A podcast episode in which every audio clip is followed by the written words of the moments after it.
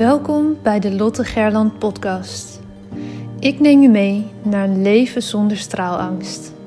Sluit je ogen als dat kan en adem eenmaal diep in en volledig uit. Welke op angst gebaseerde verhalen uit je verleden blokkeren je nog?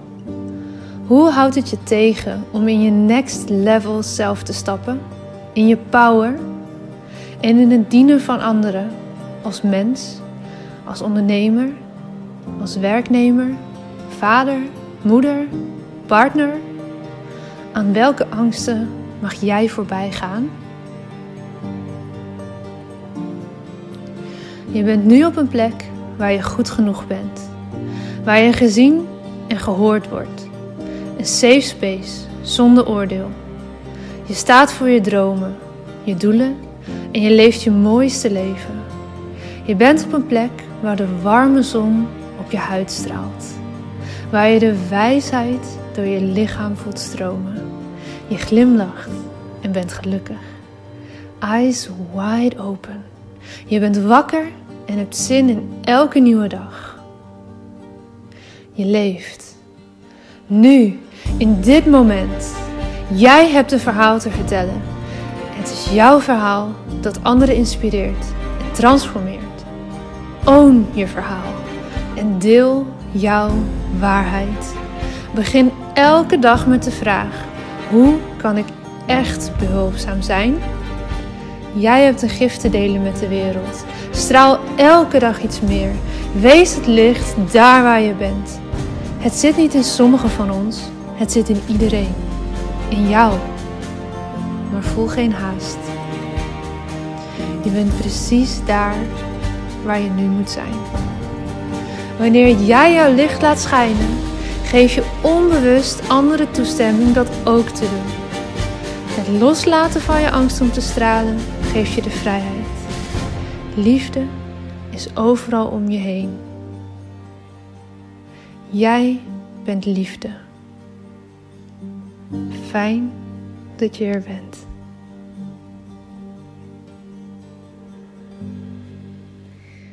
Hey, wat fijn dat je ook vandaag weer luistert naar de Lotte Gerland podcast. Vandaag een aflevering in een tweeluik. Gisteren heb ik het eerste deel van het interview online gezet samen met Jonathan van Freedom Motivates.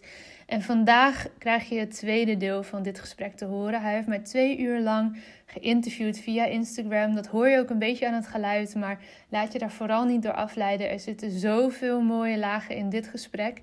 In het tweede deel van het interview gaan we het voor een groot deel ook hebben over zelfgenezend vermogen. Hoe ben ik losgekomen van mijn ziekteverhaal? En ik denk dat ik me niet eerder daar zo open over heb uitgesproken. Dus het was best wel uh, spannend om dat voor het eerst zo te doen. Maar ik vind het ook heel fijn om dat nu een keer zo gedeeld te hebben. En daarom deel ik het ook nu heel graag in de podcast. Dus ga van genieten van het tweede deel van dit interview. En natuurlijk hoor ik heel, heel, heel graag, zeker omdat dit zo'n persoonlijk onderwerp is, hoor ik heel graag van je wat dit voor jou misschien in beweging heeft gezet, uh, wat voor inzichten je eruit hebt gehaald. Deel het vooral met me. Deel het ook in de stories. Deel je podcast in de stories als jij vindt dat andere mensen dit zeker ook moeten gaan luisteren. Daar help je niet alleen mij mee, maar ook heel veel andere mensen die misschien met soortgelijke chronische klachten struggelen en ook stappen willen zetten op het gebied van hun gezondheid. Het tweede deel van het interview gaat voornamelijk daarover. Dus ik hoop van je te horen, maar voor nu vooral geniet van dit gesprek met, uh, met Jonathan. En uh, ja, ik, ik ben super nieuwsgierig wat je hier uithaalt. Nogmaals, Jonathan, dankjewel voor het mooie gesprek. Ik ga stoppen met kletsen. Hier is het tweede deel van het interview. op je website, uh, jij, jij hebt reuma en op je website schreef je: Ik ben zoveel meer dan mijn ziekte. En dat vind ik zelf vind ik dan hartstikke mooi. En je praat hier ook vaak over, je zegt vaak dat mensen niet hun label of hun identiteit moeten zijn. Hè? We hebben het er net over gehad. Maar jij zegt niet alleen dat, dat ik ben meer dan mijn ziekte. Je praat ook over jezelf genezen en jezelf helen. Maar ja, dat is iets waar je ook over, over graag eh, zou willen vertellen. Dus Zou je daar meer over willen vertellen? Ja, ja, zeker. En dat, dat vind ik best een spannend uh, onderwerp hoor. Dat mag je best weten. Maar ik ga je namelijk gelijk, wil ik je corrigeren daarin. Want dit is een stuk tekst wat denk ik uh, nog op de Over Mij pagina staat nu. Dat is nog een van mijn to-do's, zo gezegd, die ik echt nog wil gaan herschrijven zelf. Um, maar ik heb reuma, dat zal je mij niet meer horen zeggen. En dat is echt uh, van recent. Dat is uh, van het afgelopen half jaar dat ik helemaal los ben gekomen van dat ziekteverhaal, van een stuk slachtofferverhaal ook wel wat daaronder zit. Um, en dat is inderdaad ook dat, nou ja, het onderwerp zelf genezend vermogen, wat we hebben gekozen voor vanavond om te bespreken. Uh, wat voor mij heel veel heeft gebracht en heel veel heeft opgeleverd afgelopen, vooral het afgelopen half jaar. Is dat wel echt in een stroomversnelling gekomen. Uh, daar wil ik over delen, heel graag vanuit mijn ervaring. Uh, ik besef me heel goed dat dit best een gevoelig onderwerp is. En dat wil ik dus ook wel echt benoemd hebben, want is het leuk dat je zegt van ja, maar je kan jezelf uh, ziek maken en je kan jezelf genezen. Maar op het moment dat het gaat om naar alle erge ziektes die wij zelf maar kunnen bedenken, is dat misschien iets makkelijker gezegd dan gedaan. En ben ik er voor mezelf ook niet helemaal uit hoe ik dat. Nou ja, ik, ik, ik heb hem nog niet. Ik, ik zeg hem niet zo zwart-wit. In de zin van je, je kan alles genezen. Hoewel ik diep van binnen daar ergens wel voel van ik geloof dat wel, uh, weet ik ook dat dat misschien ja, niet voor iedereen gewoon zo werkt. Dus ik wil hem vooral vanuit mijn ervaring delen. En, en nou ja, als mensen daar iets aan hebben, is dat denk ik heel erg mooi. ja. Dus ik weet niet waar, uh, waar jij wil beginnen. het, podium, het podium is aan jou. Hè? Hoe zie jij jezelf helen? En op welke ja. manier heb je dat de afgelopen jaar gedaan en, en stappen ingezet? Ja, nou voor mij was het. Um... Oh, sorry, ik word even afgeleid door. Margaret is onze trouwe Insta-fan. Maar ja, onder andere Margaret heeft daar een belangrijke rol in gespeeld. Uh, zeker in het begin ook van dat proces. Um, stuk herkenning en vervolgens erkenning is het wel echt mee begonnen. Herkenning in de zin van wat ben ik nu eigenlijk aan het doen? Welk verhaal vertel ik mijzelf? En dat was overduidelijk het verhaal: ik heb reuma ik ben chronisch ziek, uh, ik heb deze klachten, dit is nu eenmaal wat het is, hiermee moet ik dealen, dit is mijn verhaal. Ik kon er ook prima mee leven in die zin, uh, maar ja, wat ik nu heel scherp zie is dat als ik ook maar ergens iets van pijn voelde in mijn lichaam, ik gelijk dat op. Oh ja, oh ja, tuurlijk heb ik hier last van, want ik heb reuma. Oh ja, tuurlijk kan ik dit niet, want hè, zo. En het hele stuk reuma in mijn verhaal heeft me heel veel gebracht. In die zin dat we begonnen helemaal ons gesprek over waarom ben ik met Watch Your Story begonnen. Dat ligt daar aan ten grondslag. Dus het verhaal hoeft ook niet weg. Ik heb het alleen niet meer nodig in de vorm zoals ik het al die jaren heb beleefd en heb gebruikt. Wat er gebeurde was op een gegeven moment dat uh, het verhaal heeft me heel veel opgeleverd. Niet alleen uh, qua bedrijf, maar het levert je natuurlijk ook bepaalde aandacht op, bepaalde liefde op. Mensen vragen ernaar. Um, dat, dat gebeurde allemaal onbewust hè, op dat moment. Ik was me niet bewust van dat ik dat dus zelf in stand hield.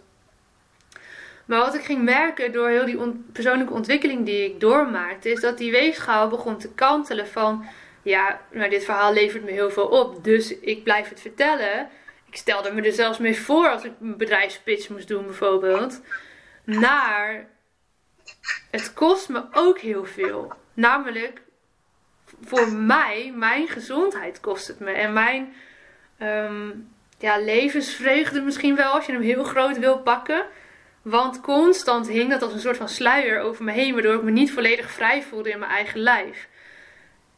En dat is iets wat ik uh, onder andere dus door de mastermind groep bij Kim Munnekom heel helder ben gaan zien. Zij is een van de weinigen in Nederland. In het buitenland is dit een uitspraak, zeker in Amerika hoor je het, er wordt er wat meer over gezegd.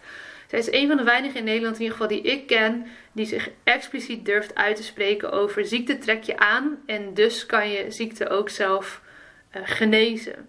En ook zij is daar in die zin voorzichtig in en brengt nuance aan dat dit is mijn waarheid. Nou, dat is ook mijn waarheid nu geworden. Ehm, voor mij was het op een gegeven moment, kwam ik op een punt dat ik dacht, ik had online wat trainingen bij haar gevolgd. Ja, maar als ik hier echt los van wil komen, dan moet deze vrouw mij recht in mijn ogen gaan aankijken. En moet ik gewoon ergens op een offline locatie zijn waarin zij me gaat helpen hier los van te komen. Ik moet het doen, maar zij is de persoon die me hier echt bij kan gaan helpen. Vooropgesteld dat daar ook hè, een proces aan vooraf ging. En ook na die tijd ging dat door. Ze is niet de enige geweest daarin, maar ze heeft echt wel een hele grote rol gespeeld daarin om los te komen van dat oude verhaal. En dat was nodig om mijzelf te genezen, zo gezegd. Om dus ook pijnvrij me te voelen. Ehm, niet meer nodig te hebben om te zeggen: Ik heb reuma. Integendeel, ik heb liever dat mensen dat niet meer zeggen, want daarmee hou ik het juist weer in stand. En in een gesprek als dit kan ik het wel benoemen. Hè? Het is niet alsof je daarmee jinxt of zo, maar ehm, het was echt, echt wel een diepgaand proces om eerst te gaan herkennen dat je dat dus zelf in stand houdt met de woorden die je gebruikt, met de gedachten die je erover hebt, met de gesprekken die je voert met anderen, met de manier waarop ik mij ook zakelijk profileerde. En vervolgens te gaan erkennen van dat dat de situatie was op dat moment. Daar helemaal oké mee te worden, hoe pijnlijk ook. Want dat is natuurlijk een soort erkenning die je geeft aan iets wat je eigenlijk niet wil om vervolgens pas de stap te kunnen maken. Ja, maar hoe wil ik dan dat het is? Wat wordt dan mijn nieuwe identiteit op het gebied van gezondheid? En dat zit vooral hier. Want ik gebruikte op dat moment ook al geen medicatie meer. Daar was ik al een aantal jaren vanaf. Um, ik, ik ging eigenlijk al niet tot nauwelijks meer naar een reumatoloog. Omdat ik zoiets van ja, ik kom daar alleen maar voor een super consult. En het enige wat zij wil is dat ik weer medicijnen ga gebruiken. Nou, dat wil ik niet. Dus daar ging ik ook al niet meer echt heen.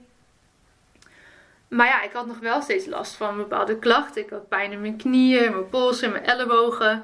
En alles wat ik maar voelde waar ik even iets van pijn had, was gelijk een soort van schrikreactie of zo. En gelijk was dat dan de oorzaak. Terwijl ik nu soms ook denk, ja, maar welk mens kan een half uur in kleermakers zitten en er dan super soepel uitkomen? Ja, er zijn wat van die yogis die dat misschien heel goed kunnen. Maar ik dacht alleen maar, ja, maar ik kan niet in kleermakers zitten, want ik heb reuma. Weet je, ik kan niet een sprintje trekken naar de bus, want dan krijg ik pijn in mijn knieën. Terwijl, feitelijk gezien, was er helemaal niks stuk fysiek. Dus hoezo kon ik niet een sprintje trekken? Dat was omdat ik bang was voor de pijn. Die ik dus ook kreeg als ik dat ging doen, want ik verwachtte hem al. En dat is. Maar het ook ik niet. Nee, ja, precies. Maar om het. Dus duidelijk te maken wat het met je doet. Hoe je um, bepaalde dingen in je lijf signaleert. En dus ook qua woordgebruik vreemd. Ik zie nu dat ik letterlijk mijn pijnklachten in stand hield door de manier waarop ik over mezelf, tegen mezelf, met mezelf aan het praten was. En dat is iets wat ik al die jaren daarvoor gewoon nooit zo scherp heb kunnen zien.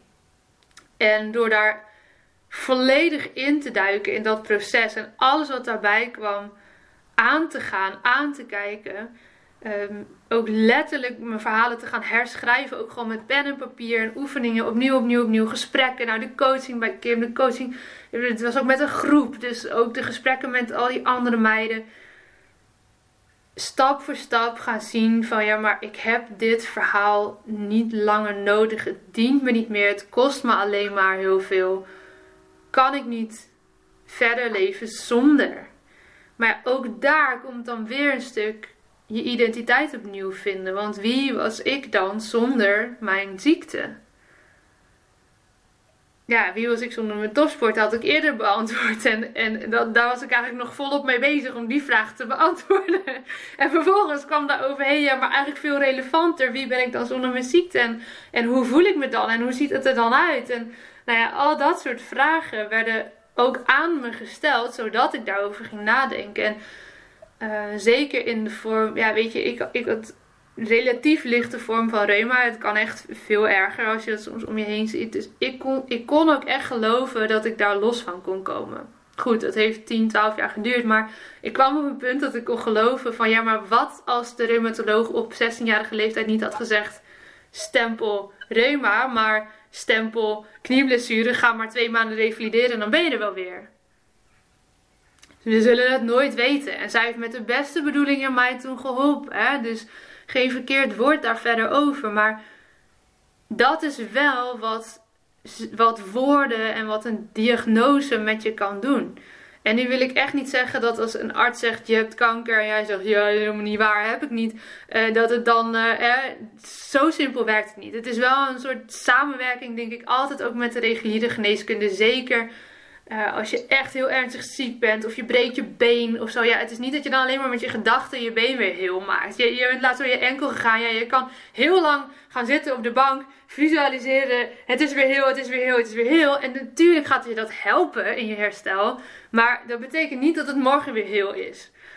Dus ik geloof wel echt in dat samenspel ook gewoon uh, met de geneeskunde. Maar zeker als het gaat om, om chronische ziektes, denk ik ook dat we heel erg veel in stand houden eh, door daaraan vast te klampen. Want ja, het geeft je ook heel veel. Het geeft je ook een bepaalde aandacht. Het geeft eh, een bepaalde liefde van mensen om je heen die een soort van voor je gaan zorgen. Ehm, maar ja, heb je dat echt uh, nodig? Dat was wel, uh, daar moest ik wel eventjes goed over nadenken. En het antwoord was toch wel echt nee. Dus ik geloof er wel in dat je met de juiste begeleiding los kan komen van je ziekte. En dus jezelf kan genezen. En nee, dat is niet iets wat ik nu business-wise, waar ik mensen zelf heb begeleid. Wellicht ooit. Hè. Ik zie daar wel een heel mooi, hele mooie missie. Maar ik wil vooral vanavond het verhaal vanuit mijzelf delen. Zodat mensen daar ja, inspiratie uit kunnen halen van hey, het kan wel. En je moet ervoor openstaan, je moet erin geloven. Als dat, als dat aan de voorkant al niet zo is, dan gaat dit niet werken voor je. Ehm, maar voor mij werkte het niet om mezelf vol te blijven stoppen met medicatie en dan maar te zien waar het schip strandt. En ik ben heel blij dat ik dit ben aangegaan, want ik kan echt zeggen dat ik gewoon helemaal los ben gekomen van mijn klachten. Uh, dat ik weer ben gaan hardlopen. Ja, nu dan eventjes niet, maar ehm, dat ik mijn lichaam voelt fit, mijn lichaam voelt sterk en gezond. En terwijl ik niet eens heel fanatiek sport of zo. En, en ook eten werd op een gegeven moment een dingetje. Want ik ging van alles proberen van hey, wat, zou, de, uh, wat zou invloed kunnen hebben op mijn klachten. Hè? Eh, ga ik, ik ben een tijd glutenvrij gaan eten. Ik ben een tijd helemaal vegan gaan eten. Want ook daar liepen allerlei onderzoeken naar reuma en uh, vegan eten. En dat dat goed voor je zou zijn en noem maar op. En ik geloof ook echt wel dat het zo is hoor. Maar het hoeft niet de enige weg te zijn. En voor mij um, werd het wel een soort van strijd met eten of zo. Dat ik dacht, ja, maar nu mag ik van alles niet voor het hogere doel. Dus ik doe het wel, want ik, dat hogere doel is belangrijker dan slecht eten of zo. Maar ik hou heel erg van eten. En ik hou heel erg van borrelen en van borrelplankjes. En van een keer een foute pizza op zijn tijd. En dat viel allemaal een soort van weg daardoor. En ik merkte bij mezelf, ja, maar dit, dit is ook niet echt de oplossing. Want dit, ja, hier word ik niet blij van. Dat als we een keer een stuk taart eten omdat er iets te vieren valt. En dat ik dan zeg van, nou nee, doe mij maar een worteltje. Dat, dat, dat klopte ook niet met mij. Dus ik ben daar verder gaan zoeken en... en nu dus ook los van dat stuk voeding. Ja, ik zorg goed voor mezelf qua voeding. Maar ik voel me ook helemaal niet meer schuldig bijvoorbeeld. En wat sommige mensen ook wel hebben. Als ik een pizza eet, dan geniet ik echt super hard van die pizza. En ik heb niet het gevoel dat ik daarna dan twee keer zo hard moet sporten of zo. Want ik heb gewoon vet veel zin in die pizza. En uh, nou, daar word ik super blij van. Dus het is goed voor mij. En oké, ik ga niet elke avond pizza eten. Hè? Ik wil nu niet het verkeerde voorbeeld geven daarin aan mensen. Maar die balans, die was voor mij heel belangrijk. Van en gewoon gezond eten, goed voor mezelf zorgen. En ook wel een keer die bitterballen bestellen als je weer eindelijk een keer op het terras mag zitten. Omdat mijn... Het is ook, het is ook een eh, zoektocht naar een nieuwe identiteit. Ja. Gewoon, wie ben ik weer? Wie ben ik nu? Welk verhaal vertel ik me nu? Wat zeg ik tegen mezelf? En wat hoort daar daarbij? Terwijl je dus op zoek gaat naar je identiteit. En ik denk dat het heel belangrijk is dat als je die identiteit die je zo lang hebt gebruikt, dat je daarin stappen zet om daar los van te komen. Ja. Want als je blijft zitten, dan is het heel lastig om daar los van te komen. Dus door te proberen, door verschillende sporten, door eh, verschillende behandelingen, verschillende Ja, coaches. absoluut. Weet je steeds weer stappen om die identiteit te vormen. Want alleen zo vorm je een nieuwe Ja, identiteit. je moet ook gaan kijken wat bij je past. Hè? Want als dat eh, vegan eten bijvoorbeeld echt super goed bij me had gepast. En ik was er helemaal blij van geweest. En dat had gewerkt. Was dat ook prima geweest. Ik merkte alleen, ik word hier niet gelukkig van. Ik wil Nee. en en. En ik ging geloven dat het ook en en kon. Dat ik, Mooi. en, en natuurlijk, hè, er is echt wel iets veranderd wat dat betreft in mijn voedingspatroon. En, en Margaret is erbij, ze weet ervan. Ze heeft me daar ook een stuk in gecoacht. Van hé, wat, wat is nou slim? Waar kan je misschien net even wat handiger? Ik at bij iedere maaltijd stokbrood bijvoorbeeld. Dus dit zal Margaret herkennen. Ik, als we pasta hadden, oh ja, en een beetje stokbrood. Want dan kan je zo lekker in die saus dippen. Als er soep was, met stokbrood. Salade, met stokbrood. Ik was echt zo'n beetje verslaafd aan stokbrood. Ik vind het zo lekker, stokbrood. En dan vooral die foute witte, weet je wel? Met kruidenboter en aioli. Heerlijk. Maar nu... ja, Hou op, ik krijg trek van maar nu oké, ik, ik eet wel af en toe stokbrood, maar ik, hoef het, ik wil het niet eens meer bij elke maaltijd. Weet je, omdat ik snap nu, ik heb me laten uitleggen wat dat brood doet met mijn lijf. En, Ja. weet je, en daar heb ik dus in geïnvesteerd om te zorgen dat iemand mij dat ging leren, waardoor je dus andere keuzes gaat maken en dat hele samenspel krijgt.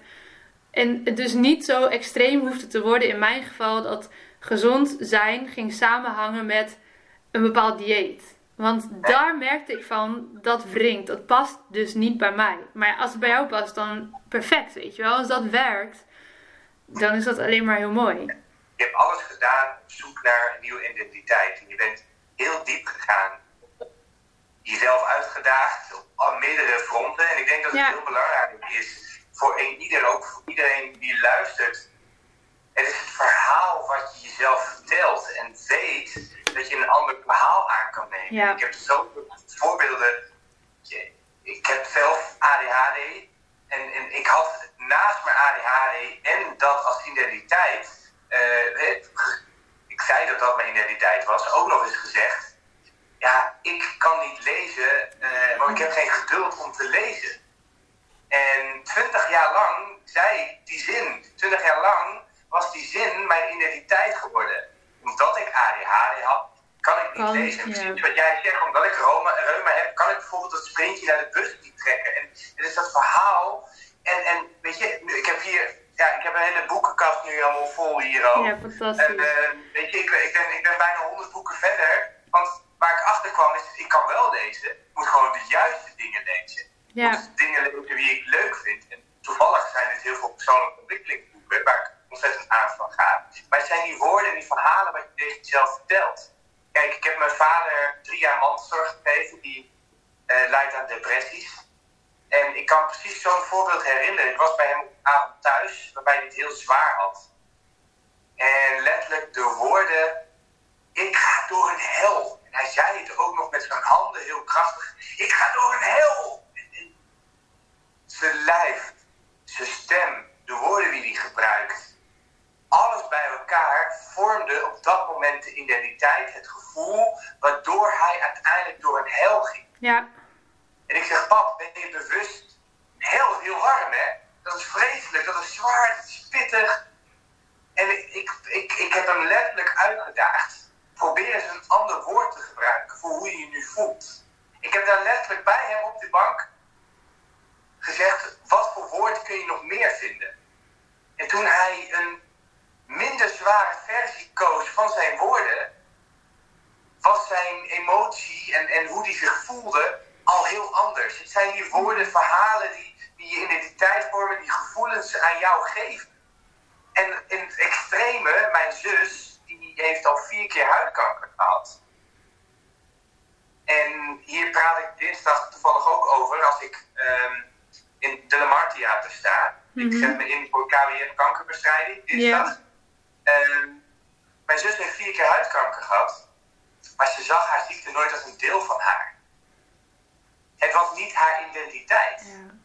Ze zei nooit, ik ben kanker. Nee, mijn vader zegt, ik ben depressief. Ik zei, ik ben ADHD, daarom kan ik lezen. Jij zei, ik ben reuma. Ja. En daardoor kon ik nu niet naar dat... Het is die woorden, dat verhaal.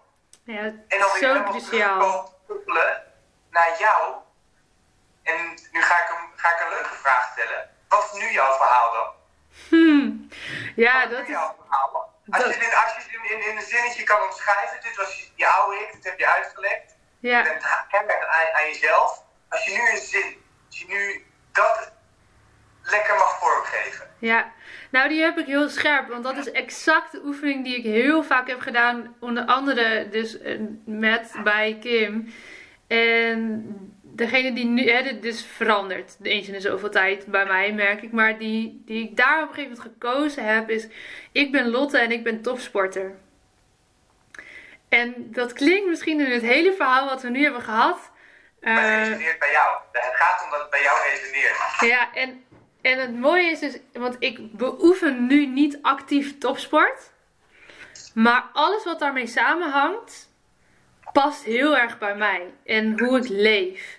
En dus niet meer in hoe ik leef van heel strak naar schema's leven en dat soort dingen. Dat, want ik moet er eigenlijk gewoon niet meer aan denken in die zin.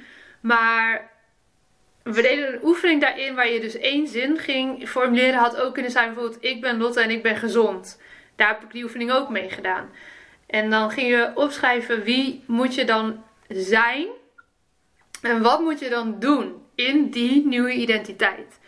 En als moed voor jou eh, dat verstikkende geeft, dan schrijf mag op. Voor moed gaf bij mij juist die schop onder mijn reet die ik nodig had om na te gaan denken: hé, hey, maar oké, als ik Lotte en ik ben gezond, of ik ben Lotte en ik, ik ben topsporter, wat moet ik dan doen en wie moet ik dan zijn?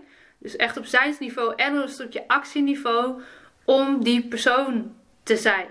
En dat werd een heel concreet lijstje waar ik ook nog elke keer kan teruggrijpen op het moment dat ik merk dat ik daar even uitval. En dat heeft mij enorm geholpen. Die oefening heb ik echt heel vaak voor mezelf gedaan. Om elke keer een laagje dieper te komen en een laagje eerlijker daarin te worden, ook naar jezelf. En ook dingen weer weg te gaan strepen die dus ehm, een soort eh, sociaal geaccepteerd erbij geschreven worden. Want je gaat ook dingen opschrijven waarvan je vindt dat je dat dan zou moeten zijn of zou moeten doen, maar eigenlijk wil je dat helemaal niet. Of heb je daar helemaal geen zin in? Ja, dan gaat het dus ook niet werken. Dus die moesten er weer een soort van uitgefilterd worden. En voeding was daar een hele eh, duidelijke van, wat we net hebben besproken. En dat heeft mij enorm geholpen om elke keer als ik merk, hé, hey, ik val er even uit, om dat lijstje erbij te pakken. Gewoon een A4'tje. Om weer terug te stappen in van, hé, hey, oh ja, maar dat was de identiteit die je graag wilde hebben. En dat is Ehm, ja, een, rijtje van, ja, maar ik ben Lotte en ik, ik ben gezond. Mijn lichaam is sterk, mijn lichaam is fit. Eh, ik- ja, weet je, al dat soort overtuigingen die ik al die jaren niet had over mezelf, die voel ik nu helemaal. En het mooiste, misschien wel, de mooiste bevestiging daarin vond ik wel uiteindelijk de zwangerschap. Dat je, weet je, dat is een ultiem vertrouwen op je eigen lijf. Dat je dat kan. En dat dat dan goed komt. En, en dat, je, ja, dat je dat aan kan. En ook de verantwoordelijkheid die daarna ook nog met zich meebrengt. Natuurlijk voor de rest van je leven eigenlijk. Uh, ik vond dat wel een ultieme bevestiging van het hele proces. Uh, dat ik zwanger mocht worden. Hè, dat is echt niet altijd maar zo vanzelfsprekend. En ook bij ons heeft het best wel eventjes geduurd. Dat is helemaal geen geheim. Uh, maar dat proces daar naartoe was voor mij nodig, denk ik. Om helemaal op mezelf te gaan vertrouwen. Van ja, maar dit, dit kan je. En ook echt te voelen van ja, maar dit wil ik. En daar heeft dat hele proces van loskomen van, van mijn ziekteverhaal. Um, nou ja, dat, dat is wat ik geloof in ieder geval. Je zal het nooit weten, maar voor mijn gevoel heeft het daar enorm in bijgedragen. En was dat ook wel een soort van ultieme ja, bevestiging, ultiem cadeau van hey, je kan echt weer helemaal op je lichaam vertrouwen. En dan hebben we nog niet eens gehad over de bevalling die ik nog ga meemaken voor het eerst straks. Ik bedoel, dat is wat ik hoor van vrouwen. Van, ja, maar dat is echt een soort van next level je, ja, overgave en, en op je lijf kunnen vertrouwen. Maar dit alleen al was voor mij, en, en dat was ook, hè, ook het hele proces in, in die groep waar heel veel dames ook zelf al moeder waren. Zo mooi om te zien hoe, hoe ik daar ook in gesupport werd en wat voor liefde daar vandaan kwam. Van wow, gewoon in een half jaar tijd van dat slachtofferverhaal, maar ergens wel voelen van dit kan anders, naar helemaal die andere kant op. En helemaal vertrouwen op je lijf. Oefening baart kunst. En het is dat oefenen eh, en het letterlijk, weet je. Om, om dit te krijgen, die nieuwe identiteit, moet je het oude loslaten. En dit oude is het verhaal die je zelf zo vaak hebt verteld. Ja. Dan moet je ontzettend veel herhalen om hier te komen. Ja. Maar in die tussenfase zit vertrouwen. Ja. Tussenfase Ja. zit healing, loslaten, fucking veel oefenen en vertrouwen dat jij die nieuwe kan krijgen. Op een gegeven moment moet je een besluit maken. Ik ben alleen nog maar dit. En moet je het oude durven los te laten en echt volledig durven te vertrouwen dat dit alleen maar over is. Ja. Dat het nieuwe identiteit. En dat Ja. moet je dan vast kunnen grijpen. Dat is toch een liaan. Ja, precies. vastgrijpt van het oude naar het nieuwe. En op een gegeven moment dan, dan is dit het nu en dan is dit jouw verhaal. Dit is jouw werk. Ja, ja, en voor mij was het ook nog wel een stuk ehm, het oude niet per se alleen loslaten, maar het vooral anders gaan vasthouden. Want het hoeft niet weg. Weet je, dat stuk, die tien jaar bij wijze van spreken, nou iets meer zelfs tussen het moment dat die arts voor, tegen mij voor het eerst zei van ja, maar jij hebt reuma, tot aan nou ja, dat is dan dus e- dat is echt meer dan tien jaar later, tot het moment dat, dat ik die identiteit hè, van de gezonde Lotte heb kunnen aannemen. Ehm, dat hele stuk, dat hele proces en dat deel van mijn leven, ik ben nu bijna 30, dus dat is bijna een derde van mijn leven, dat hoeft niet weg. Het hoeft niet Ik ben maar onderdrukt. het was wel echt van. Wie je hebt, de oude, die, de oude ideeën die je hebt, de, de, de oude gedachtegoed die jou niet meer helpen, Ja. die moet je dan op een gegeven moment loslaten. Ja, en, en mij helpt het dus heel erg om ze anders vast te houden. En dat, dat is een, het is een woordkeuze, denk ik. En, en daarom wil ik hem delen, omdat het voor iedereen verschillend is wat, wat je daarin helpt. Ik hou het anders vast door bijvoorbeeld in een gesprek als vandaag wel erover te vertellen. Ook over hoe het toen was. Ehm, maar het nu niet meer nodig te hebben. En als ik zeg, ja, maar ik moet het helemaal loslaten, dan voelt het voor mij, hè, maar dat is persoonlijk, voelt het voor mij alsof ik er nu ook niet meer over zou moeten hebben of zo. En want dan heb ik het helemaal losgelaten. Terwijl, Voor iedereen is de definitie van woorden heel persoonlijk. ja, dus daarom denk ik dat het goed is. En dan kun je pakken wat je wil. Ja, en accepteren, hele, het in jezelf, Ja. in je hart meenemen, voor je gevoel, hè, om- omarmen. Welke woorden je daarvoor gebruikt, alles Wat me vastpakken. past. En, en op een gegeven moment komt er dan een fase dat jij zegt, nee, dit is nu wie ik ben. En ik vind het, dat je een prachtig verhaal hebt geschreven en dat je een hele mooie nieuwe identiteit hebt gecreëerd. Super heerlijk, want ik heb hier met jou nog niet eerder over gehad. Ehm, nu komen we bij een van de laatste vragen. We zijn al een uur en drie kwartier eh, onderweg. Tweede, Ik heb helemaal warme wangen. Ik weet niet of je dat ziet, maar oeh, Ehm, van het kletsen. we wilden nog een stukje over straalangst hebben. En Ja, hoe trek jij je minder aan van de buitenwereld? god, je zou het bijna vergeten, dat stuk. Het is wel leuk, want ik zie dat Paula net ook aangehaakt is. Ik weet niet of ze is blijven hangen, maar d- ja, dat is natuurlijk iets wat samen met haar is ontstaan. Dat stuk van mijn bedrijf dan. En, en waar ik zelf natuurlijk ook echt... eh, nou ja, mijn ervaring daarin was mm, echt gaan staan voor wat ik te doen heb. Dat is een zin die ik, eh, ehm, nou ja, Paula ongeveer wel honderd keer per maand hoor zeggen tegen mensen, tegen zichzelf, tegen mij, tegen iedereen. Die is echt een soort van ingeprent. En dat stuk straalangst dat we bij mij in die zin, nou ja, weet je, iedereen heeft er last van. Hè? En elke keer kom je weer op een bepaald level, loop je weer tegen iets nieuws aan. Uh, maar voor mij was dat wel echt dat groots durven gaan staan voor, voor mijn verhaal, voor wat ik wil gaan doen, wat ik aan het doen ben ook al. En um, dan moet je me even nog helpen wat concreet je vraag daarover was. Want voordat ik daar een heel verhaal over loslaat. Ja, van de buitenwereld en hoe gebruik je dan die straalangst uh, of de, de, je tegenovergestelde, de kracht van, hè, van, ja. van stralen eigenlijk, uh, om daarmee uh, ja, anders mee om te gaan. Ja, mm, hoe druk ik me minder aan van de buitenwereld? Ja, ik denk dat dat toch wel alles te maken heeft met heel het proces wat, wat we besproken hebben vanavond. Gewoon door steeds dichter bij jezelf te komen. En zonder heel oud wijverig te willen klinken, ook wel gewoon een stukje ouder worden en in, in het, leven, het leven leren leven. En waarschijnlijk als je me dit over een jaar of over tien jaar vraagt, dan denk ik weer van, oh, gosh, ze moesten zeten toen, weet je wel. Elke keer kom je weer op een soort van volgend level. Maar mm, ja, ik merk wel dat dat, dat dat toch helpt om je minder aan te trekken. Gewoon doordat je steeds dichter bij jezelf komt en uh, je eigen pad daarin kiest. Uh, en ja, al, alle verschillende stappen waar we doorheen zijn gegaan vanavond, dat we besproken hebben, al die verschillende coaching en, en persoonlijke ontwikkeling, ja, dat helpt daar natuurlijk ontzettend aan mee. En ik denk dat ik alleen maar heel dankbaar mag zijn dat ik relatief jong, of eigenlijk hè, vanaf een jaar 25 al zo bezig ben gegaan.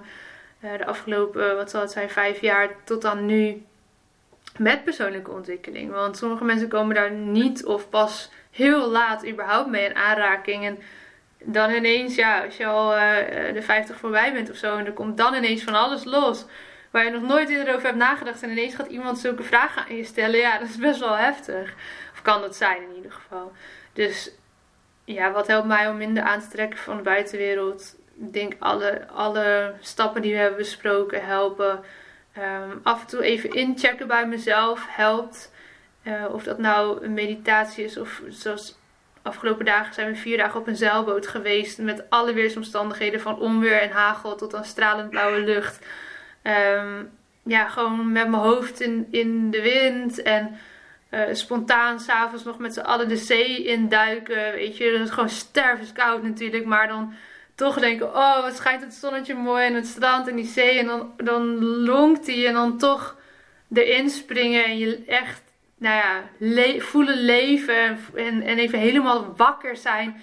Dat soort momenten opzoeken, dat helpt mij heel erg om ook me minder aan te trekken van de buitenwereld. En zo denk ik, ja, uh, moeten we nu ergens nog een bikini vandaag gaan toveren of gaan we gewoon in ons ondergoed de zee in rennen? Oké, let's go, weet je wel. Dat, dat soort dingen gewoon doen en blijven doen en, en weten van jezelf waar je van aangaat. Ik ga aan van een duik in de zee, ook al is het hartstikke onnozel misschien op zo'n dag, maar ik leef daar inderdaad van op. Ehm, dus kijk wat voor je werkt. Voor de ene is het sport, voor de andere is het muziek. Dat kan van alles zijn. Ik heb dat ook als je naar.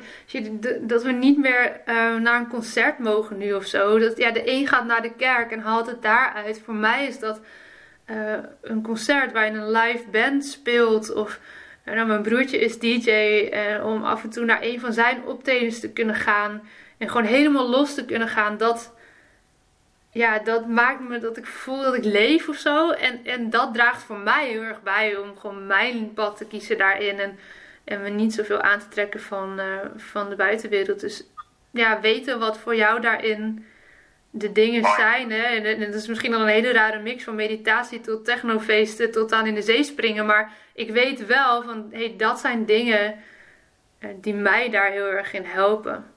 Dus dat dan ook actief opzoeken. Wat werkt voor jou en voor een, ieder wie luistert of wie dit later? Ja, ik jezelf. Ja. Weet wat je zelf fijn vindt. Weet wat voor jou werkt. Weet wat, weet wat heel, eh, waar je aan van gaat en wat ja. heel fijn en, en dat is ook heel belangrijk dat je dat weet voor jezelf. Dat je dat onderzoekt, dat je dat aangaat. En ja. uh, dat je in die springt en denkt, oh fuck, dat doe ik nooit meer. Maar het is weer een stapje dichterbij bij jezelf leren kennen, jezelf leren uitpluizen en door echt te gaan leven. Ja. meer je dat durft, meer je daarin jezelf durft te zijn en durft te ontdekken om alles te doen, hoe meer je weet wat voor jou werkt. En als je dat daar echt voor durft te staan, en echt begint te leven in het hier en het nu, zoals je zegt, in het hier en het nu. En ik vind het heel mooi hoe je het omschreef. Ja, dan denk ik automatisch ook dat je veel minder aantrekt van wat alles en iedereen zegt. Want je bent vooral aan het luisteren naar wat jij ja. mooi vindt, waar jij van geniet. En voor een is dansen en opmerking. En voor jou. Ja, nee, maar dat, dat dansen herken ik, hè. Ik heb... Ik, heb, ik heb net een, een Dolby Surround gekocht. Ja. Uh, ja. Zegt, je, bent, je, bent, je bent gek. Ik denk, hè, ik heb mezelf even verwend. Ik hou zo, ik ben helemaal niet van de gadgets. Maar film kijken, ik ben een filmfreak. Ik ken niemand wie, ik, mijn Netflix, ik, ik heb een eigen harde schijf met allemaal films. Ik ga er helemaal aan van. Ik denk in films, ik, ik geniet ervan, van kind af aan al. En voor mij is het dan ik koop die Dolby en ik zit daar met een glimlach al sinds vandaag dat ik hem binnen heb. Ik zit zo te genieten en mijn vriendin die, die, die snapt er ook geen reet van. Maar voor mij is dat het. Voor mij is dat het. En wat is, is het voor jou? En ik denk dat dat heel belangrijk is. Uh, de ene laatste vraag. Wat betekent vrijheid voor jou? Zo, die heeft ook veel lagen, denk ik. Um, ja, aanhakend op wat we vanavond hebben besproken, betekent vrijheid voor mij echt me vrij voelen in mijn eigen lichaam. Dat is iets wat we natuurlijk nu hebben gehighlight en wat echt, uh, waarvan ik me heel lang niet heb beseft hoe waardevol dat is, denk ik. En dat voelt heel vrij. Um, dat heeft ook wel een stukje behoudendheid misschien nog weer een laagje weggehaald vanuit dingen die je wel of niet doet. Eerder had ik dat heel erg vanuit de sport van oeh nee, doe maar voorzichtig, want je wil niet geblesseerd raken of whatsoever. En nu was het altijd van oh nee, doe maar voorzichtig, want anders krijg je pijn of zo. En daarin durf ik nu gewoon denk ik wat meer, um, nou ja, spontaan dingen te doen. Voel ik me daar vrijer in. Um, dus dat is denk ik nou ja, één, één belangrijke laag. Vrijheid. Ja, sowieso. Kijk naar waar we leven alleen al. Tuurlijk zijn, is de vrijheid nu, uh, wordt, wordt voor ons beperkt door alles wat er speelt in de wereld. Maar dan nog, uh, vrijheid is ook het geluk hebben dat je wiegje in Nederland heeft gestaan. Absoluut. Uh, vrijheid zit hem ook, denk ik, voor heel veel mensen en, zeker ook voor mij in een stukje financiële rust. Uh, ik heb me daar de afgelopen jaren ook zeer regelmatig heel onvrij in gevoeld. Uh, ja, je start een bedrijf, je hebt gewoon weinig geld om handen. Ik had ook de neiging om dat zo te framen voor mezelf als je het dan hebt over woordkeuzes. Hè, dat ik, het, ik ervaarde het dan ook als weinig. Terwijl, ja, feitelijk gezien leef je nog steeds een prachtig mooi leven met heel veel overvloed. En, um, dus ik denk dat hij daar ook zeker wel in zit ja, vrijheid. Ik, hoop dat het binnenkort ook weer zit in, in dat we gewoon met z'n allen kunnen gaan en staan waar we willen. Dat we kunnen gaan genieten van mooie reizen en van, van vakanties. Dat vind ik zeker ook wel vrijheid. En ja, nou ja, wat ik net noem, in, in extreme mate. Want dit is iets, denk ik, waar, uh, nou ja, waar heel veel mensen nog niet eens in hun leven aan, aan nog niet eens over na kunnen denken. Dat, dat dit iets is wat je zou kunnen meemaken, kunnen beleven. Dus ja, je bewustzijn dat, dat het echt wel heel erg goed hebben met z'n allen. Daar, uh, daar zit veel vrijheid in, denk ik. Mooi. Mooi uitgebreid antwoord. Heerlijk hoe, hoe, mooi hem weer terugkoppelt naar dankbaarheid en overvloed. Ja. Eh, als ik jou ook hoor ook nu, ik heb er bijna twee uur nu gesproken. dus die, die, die dankbaarheid, de, de, de, de dingen, hoe je naar dingen kijkt, dat een wereld van verschil maakt. Ja. Voor hoe jij in het leven staat en, en, voor de dingen die jij krijgt, die je ontvangt ja. en wie jij geeft. Ik denk dat het een hele mooie is. Um, de allerlaatste vraag. Als jij één belangrijke boodschap zou meegeven aan de, aan de mensen, welke boodschap zou dat dan zijn? Oh my god. Um, heel even over nadenken. Ik heb, je, je liet mij weten dat je dit ging vragen, maar ik heb expres eigenlijk niet vooraf te veel bij stilgestaan. Want ik het echt van het gesprek wilde laten afhangen hoe ik dit wil beantwoorden. Maar ja, als er één ding is die ik echt zou willen meegeven, dan is dat denk ik eh, de prachtigste quote die Margaret, ik weet niet of je nog steeds meekijkt, maar die vind ik zo mooi. Zij zegt eh, altijd aan het einde van haar mailtjes, aan het einde van haar video's, podcast, uh, hou van jezelf en, en ik hou van jou, is zoiets. En dat houden van jezelf, maar vanuit, vanuit een mooie plek, hè? niet vanuit ego-plek. dat ligt denk ik aan de basis van, van echt heel erg veel moois in je leven. Dus um, nou, daar zou ik nog, misschien nog wel 10 minuten aanvullend over kunnen verder praten. Maar misschien moeten we daar niet te veel woorden meer aan vuil maken. Want dat, dat heeft te maken met alles, denk ik, wat we vanavond besproken hebben. Als je niet houdt van jezelf, dan, ja, dan kan je niet eens nadenken over loskomen van, van een ziekteverhaal. Of een, een identiteit veranderen of noem maar op. En um, ja, vanuit die liefdevolle plek heeft iedereen zoveel moois te geven. Daar, dat ben ik echt heilig van overtuigd. Oh, wat mooi. Jouw, jouw laatste boodschap is mijn fucking missie op aarde als coach om dat te brengen naar andere mensen. Het liefde om jezelf te durven zijn. Ja. De liefde voor jezelf geven. Dat je van jezelf mag houden. Voor wie je bent. Dat je weet dat je genoeg bent. En dat niet alleen, maar je ook voor jouw dromen mag gaan. Omdat je het waard bent. Mm ja. In mij ook en ik heb je nu twee uur gesproken, ik ken je twee jaar. Ik, ik vind het prachtig. Jij bent een voorbeeld van die laatste woorden. Daarmee laat je ook weer zien, ik gun mezelf gezondheid, ik gun mezelf die onderneming. Ik gun mezelf om mezelf twee keer in de tijd aan te meten. En kan ik zoveel van mezelf houden. Ik gun in mezelf, mezelf te investeren. Ik gun mezelf die vrijheid. Ik gun mezelf om in het nu te leven. En constant weer die liefde. En ja, ik, ik zelf vind het belangrijk, lead by example. Jij laat zien wat, wat je predikt, is dat heel waardevol. En jij laat absoluut zien wat je predikt. Ja, laat absoluut dankjewel. Zien in alles iedereen. Weet je, what's your story? Dit is ook wie Lotte is. En dat laat je zien. En je hart is heel duidelijk zichtbaar. Je bent een fantastisch mens.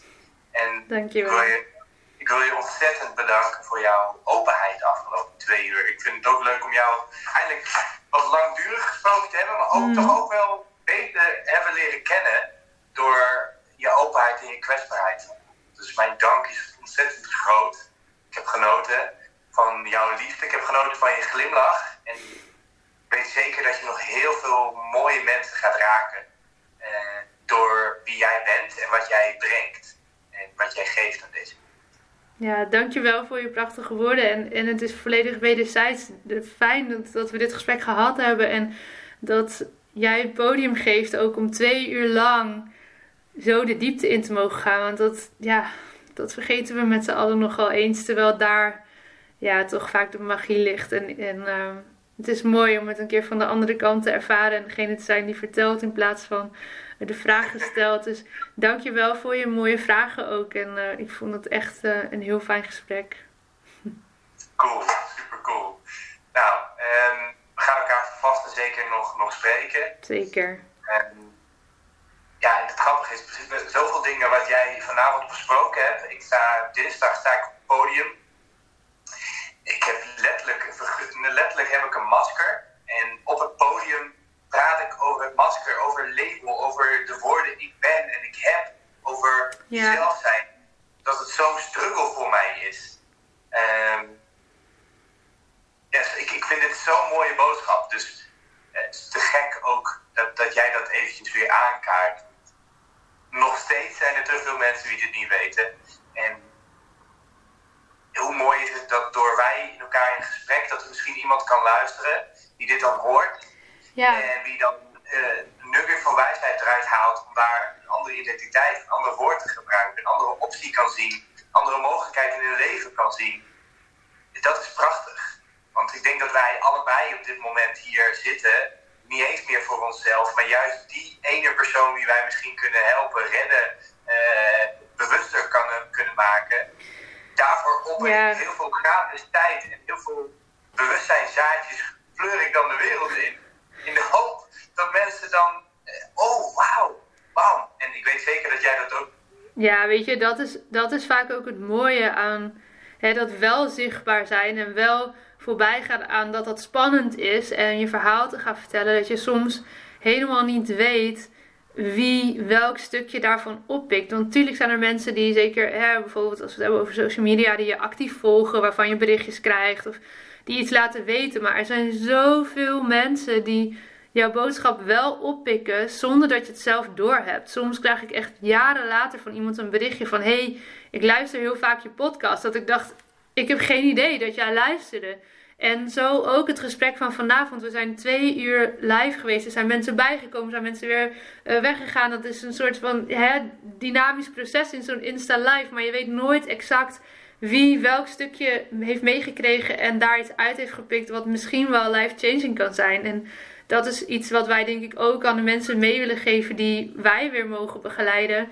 Ehm, vertel het juist wel. Ga je juist wel laten zien. Zet dat masker wel af. Want daarachter zit het goud. En daarachter zit datgene wat je de wereld te bieden hebt. En weet je, het is gewoon bijna egoïstisch als je dat niet doet. Want daar zitten mensen op te wachten. En ja, het is spannend. En ja, het is eng. Maar doe het alsjeblieft. En neem een voorbeeld of haal inspiratie uit hoe wij dat vanavond hebben mogen doen. En uh, nou ja, met mensen ook er live bij.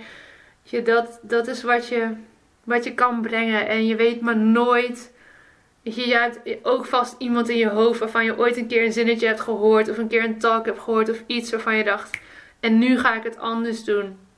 Als er één iemand vanuit deze hele sessie beslist: Oké, ik, ik ben er ook klaar mee met mijn ziekteverhaal. En ik ga het anders doen. Ja, weet je, dan missie geslaagd.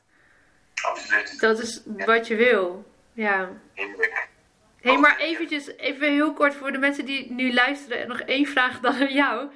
Kunnen wij daar uh, online bij zijn of zo dinsdag? Hoe, uh, ik ben nu wel nieuwsgierig. nou ja, sowieso. Uh, ja, dit is een show wat 24 en 25 mei is. Het is de Social Impact Tour. Ja. En het heet Social Impact Tour omdat iedereen die optreedt zet zich in voor een goed doel. Er zijn 80 goede doelen die meedoen. Wow.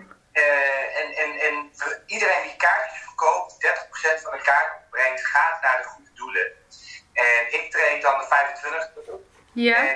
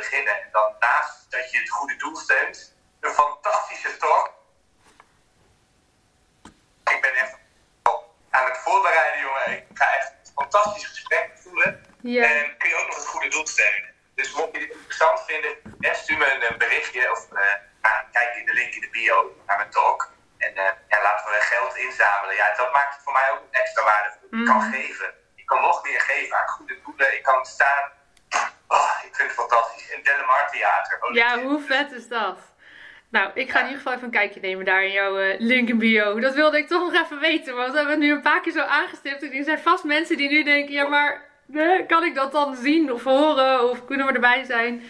Maar um, ja, heel tof. Ik ben ontzettend benieuwd.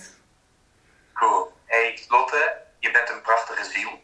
En Dankjewel. ik ben dankbaar dat ik jou ken. En dat ik je vandaag net eens wat beter heb leren kennen. En, uh, ja, voor iedereen die dit terug wil kijken, uh, je kunt bij mijn Kun je uh, onder jouw leven naar vrijheid kun je deze interviews terugkijken. We hebben nu twee delen opgenomen. Ja, ja dat was even niet anders. uh, waarbij je het helemaal terug kan kijken op het interview van twee uur lang en nog tien andere interviews met andere ondernemers van allerlei takken van sport. Dus mocht je dat interessant vinden, kijk ook vooral die interviews terug. En Lotte, dankjewel. Dankjewel. Fijne avond. Doei. Doeg. Dankjewel voor het luisteren naar deze aflevering van de Lotte Gerland podcast. De enige reden dat ik hier mag teachen is omdat jij hier bent om te leren. We doen dit samen. Ik hoop dat ik je mocht inspireren en ik zou het onwijs waarderen als je deze podcast online deelt. Het is nu jouw tijd om te gaan stralen. We hebben je nodig. Kom opdagen. Laat je licht schijnen. Het is tijd om op te staan. Go! Jouw verhalen zijn de meest impactvolle expressie van jouw licht. Daar waar jij doorheen bent gegaan, was precies dat wat nodig is om te zijn waar je nu staat. Vaak denken we dat we al veel verder moesten zijn in het proces, maar je hebt te leren van waar je nu bent. Dim je licht niet. Het is een grote verantwoordelijkheid die je draagt om jouw wijsheid door te geven. Straal daar waar je bent. Liefde is overal om je heen. Jij bent liefde.